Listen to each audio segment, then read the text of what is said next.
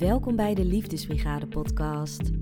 Mijn naam is Jasmin Lindenburg en als holistisch therapeut begeleid ik jou bij het proces naar innerlijke vrijheid.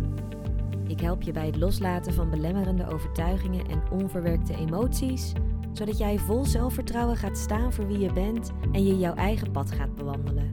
Hier vind je inspirerende inzichten, wijze lessen en praktische tips voor een diepe hartsverbinding met jezelf en met anderen. Want echt leven is verbinding en verbinding is liefde. Luister je mee? Hey, goedemorgen, goedemiddag, goedenavond of nacht. Wanneer je deze aflevering ook luistert. Super fijn dat je er weer bij bent vandaag. En als je deze aflevering hebt aangeklikt vanwege de titel Pijn is fijn en je nu een masochistische aflevering verwacht waarin ik je alle voordelen van pijn ga geven, dan zal ik je gelijk maar even waarschuwen, want zo'n aflevering wordt dit niet. Waar ik het in deze aflevering wel met je over wil hebben, is de functie van emotionele pijn. Als ik spreek over emotionele pijn, dan loopt er misschien gelijk een dikke rilling over je rug heen, die aangeeft dat je hier eigenlijk helemaal niks mee wil doen met emotionele pijn. En toch is emotionele pijn in het leven onvermijdelijk. Het is nu eenmaal waar je voor tekent als je hier op aarde komt. Om alle emoties te ervaren in het leven. En daar hoort pijn ook bij. Het lijkt mij dan ook handig voor jezelf om te weten wat de functie van emotionele pijn is, zodat je iets kunt doen met deze emotionele pijn, zodat je de helpende functie ervan kan omarmen in plaats van dat het je telkens belemmert in je leven. Want als emotionele pijn een onderdeel van het leven is, als het onvermijdelijk is, dan kun je maar beter leren hoe je ermee kan omgaan, toch? Als ik het heb over emotionele pijn, dan neem ik aan dat je daar geen voorbeelden voor hoeft te krijgen. Ik ga ervan uit dat je wel weet hoe dit voelt, emotionele pijn. Misschien heb je het wel gevoeld toen je laatste relatie uitging of toen een dierbare overleed. Misschien heb je ook wel last van eenzame gevoelens wat pijn met zich meebrengt of ben je vroeger flink gepest? Iedereen weet wel hoe emotionele pijn voelt. En iedereen gaat daar op zijn eigen manier mee om. De een stort zich op zoveel mogelijk feesten. De ander verliest zich in zoveel mogelijk sociale afspraken inplannen. Weer een ander grijpt naar de chipzakken.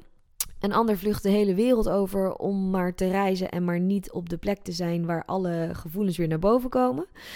En weer een ander leeft volledig in zijn hoofd, is continu aan het piekeren, situaties aan het analyseren, situaties maar weer telkens opnieuw in je hoofd afspelen of dagdromen over mogelijke situaties die in de toekomst kunnen voorkomen. Dit zijn allemaal manieren om de emotionele pijn van dit moment, wat jij op dit moment voelt, maar niet te hoeven voelen. En no judgment hier, hè? want ik heb al deze copingstrategieën die ik net heb genoemd zelf vroeger ook allemaal gebruikt. Dus ik zal je er niet om veroordelen als je dit doet. Maar als je je in een van deze copingstrategieën herkent, of misschien weet je van jezelf wel dat je een andere copingstrategie hebt, weet dan dat deze strategieën niet gezond zijn. Ze helpen jou niet. Ja, ze helpen je om die emotionele pijn niet te voelen, maar ze helpen jou niet om die emotionele pijn te doorvoelen. Zelfs een patroon van altijd maar voor anderen klaarstaan en er voor hen zijn, of heel veel sporten of alleen maar gezond eten, helpen jou niet op het moment dat je dit alleen maar doet, zodat jij hè, op een onbewust niveau de emotionele pijn die je op dit moment voelt, maar niet hoeft te voelen. Zodra het iets dwangmatigs heeft, dat je het gevoel hebt dat je dit moet doen, omdat er anders iets gebeurt wat je niet wil voelen, omdat je je er anders niet goed bij voelt, dan kun je je afvragen wat de onderliggende reden van dit gedrag is. Dan kun je jezelf afvragen of dit echt iets is wat je doet vanuit liefde of dat je het misschien wel doet vanuit een diep gewortelde angst. Bang voor pijn, bang voor de werkelijke pijn. Bang voor de dieperliggende ongemakkelijke emoties. Bang om echt te voelen. En wat doen de meeste mensen als ze ergens bang voor zijn? Ze gaan het vermijden. Ze gaan het ontwijken. Ze gaan die emotionele pijn onderdrukken. Maar juist in het vermijden zit het lijden. Juist in het vermijden van de emotionele pijn ligt het emotioneel lijden. Want als jij emotionele pijn vermijdt, dan zit je in de weerstand. Dan ben je in verzet tegen wat zich op dat moment aandient. Verdriet, angst, rouw, onmacht. En dit zijn slechts enkele voorbeelden van emotionele pijn, want er zijn er natuurlijk veel meer. In het vermijden zit dus het lijden. En dat terwijl pijn juist een helpende functie heeft. Emotionele pijn is juist een richtingaanwijzer.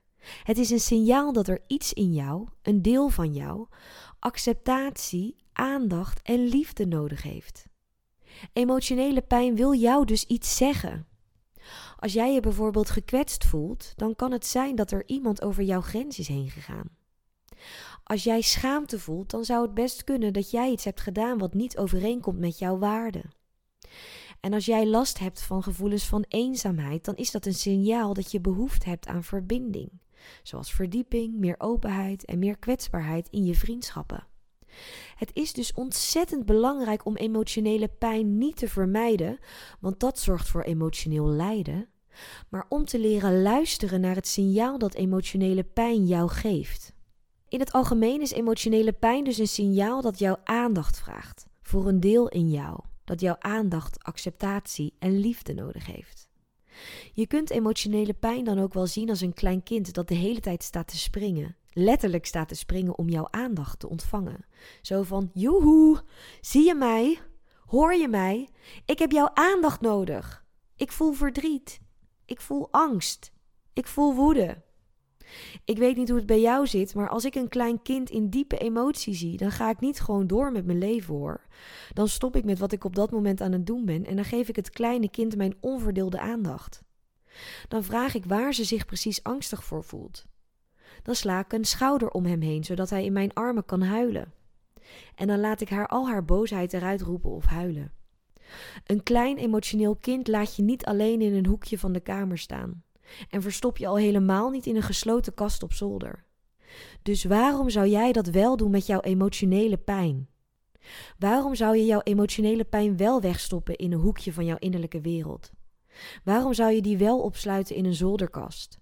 Door emotionele pijn te gaan zien als iets dat in jou leeft, iets wat jouw aandacht vraagt, ga jij een heel andere band met pijn opbouwen.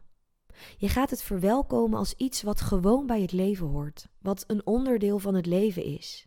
En doordat je jouw visie op emotionele pijn shift van negatief, iets wat je niet wil voelen, naar iets neutraals, iets wat gewoon bij het leven hoort, kun jij de signalen leren herkennen van wat pijn jou op dat moment wil vertellen. Want zoals ik al eerder zei, emotionele pijn wil jou altijd iets vertellen. Laat ik dat voorbeeld gebruiken waarin jij je gekwetst voelt, omdat iemand over jouw grens is heen gegaan. Dan is dat dus een signaal. Hé, hey, stop! Ho, dit is mijn grens. Hier ben ik niet van gediend. Nu ga je te ver. Hier moet je stoppen. En het kan best zijn dat je misschien in eerste instantie niet eens wist dat daar jouw grens lag. Maar doordat je die emotionele pijn voelt, doordat je je gekwetst voelt en doordat je leert herkennen wat die pijn jou wil vertellen, weet jij dit nu wel. Weet jij nu wel dat hier een grens ligt voor jou? En kun jij op het moment dat jij je gekwetst voelt, jezelf die aandacht, die acceptatie en die liefde geven die jij nu nodig hebt? Kun jij de angst of het verdriet van dat moment de ruimte geven om te stromen en kun jij het doorvoelen? En kun jij, nu je weet dat er een grens bij jou is overschreden, in het vervolg bij anderen aangeven dat hier een grens ligt, zodat je dit niet nog een keer hoeft te voelen? Emotionele pijn is dus altijd een signaal om jou iets te vertellen. Het wil jou iets vertellen wat jou zal helpen op het moment dat je leert luisteren naar dat signaal. Ik nodig je uit om in de komende tijd bij jezelf eens te onderzoeken wat jouw emotionele pijn jou wil vertellen. Welk signaal geeft het jou? En als jij hier meer aandacht aan geeft, dan zul je ontdekken dat het je helpt om je meer te verbinden met jezelf. Het helpt je om een diepere connectie met jezelf te ontwikkelen. En door te leren luisteren naar de signalen van emotionele pijn, ontstaat er een ruimte in jezelf, een nieuwe ruimte die jij opent voor jezelf, waar zelfliefde kan gaan groeien. Leer emotionele pijn dus te omarmen in je leven. Open je armen voor emotionele pijn, net zoals dat je voor een emotioneel klein kind zou doen. En leer de signalen te herkennen, leer te luisteren naar de signalen die emotionele pijn jou geeft. Dankjewel dat je naar deze aflevering hebt geluisterd. Ik hoop dat het je ogen heeft geopend, dat het je nieuw inzicht heeft gegeven en dat het je helpt op jouw innerlijke reis. Ik wens je nog een hele mooie dag toe en ik hoop dat je weer bij bent bij de volgende aflevering. Heeft mijn podcast je aan het denken gezet en ben je klaar voor echte verandering in je leven? Inzicht zonder handeling brengt geen verandering. Boek daarom nu een gratis kennismaking en dan kijken we samen hoe ik jou het beste kan helpen in mijn holistische praktijk. Ga voor het boeken van jouw gratis kennismaking naar de liefdesbrigade.nl en dan spreken we elkaar gauw.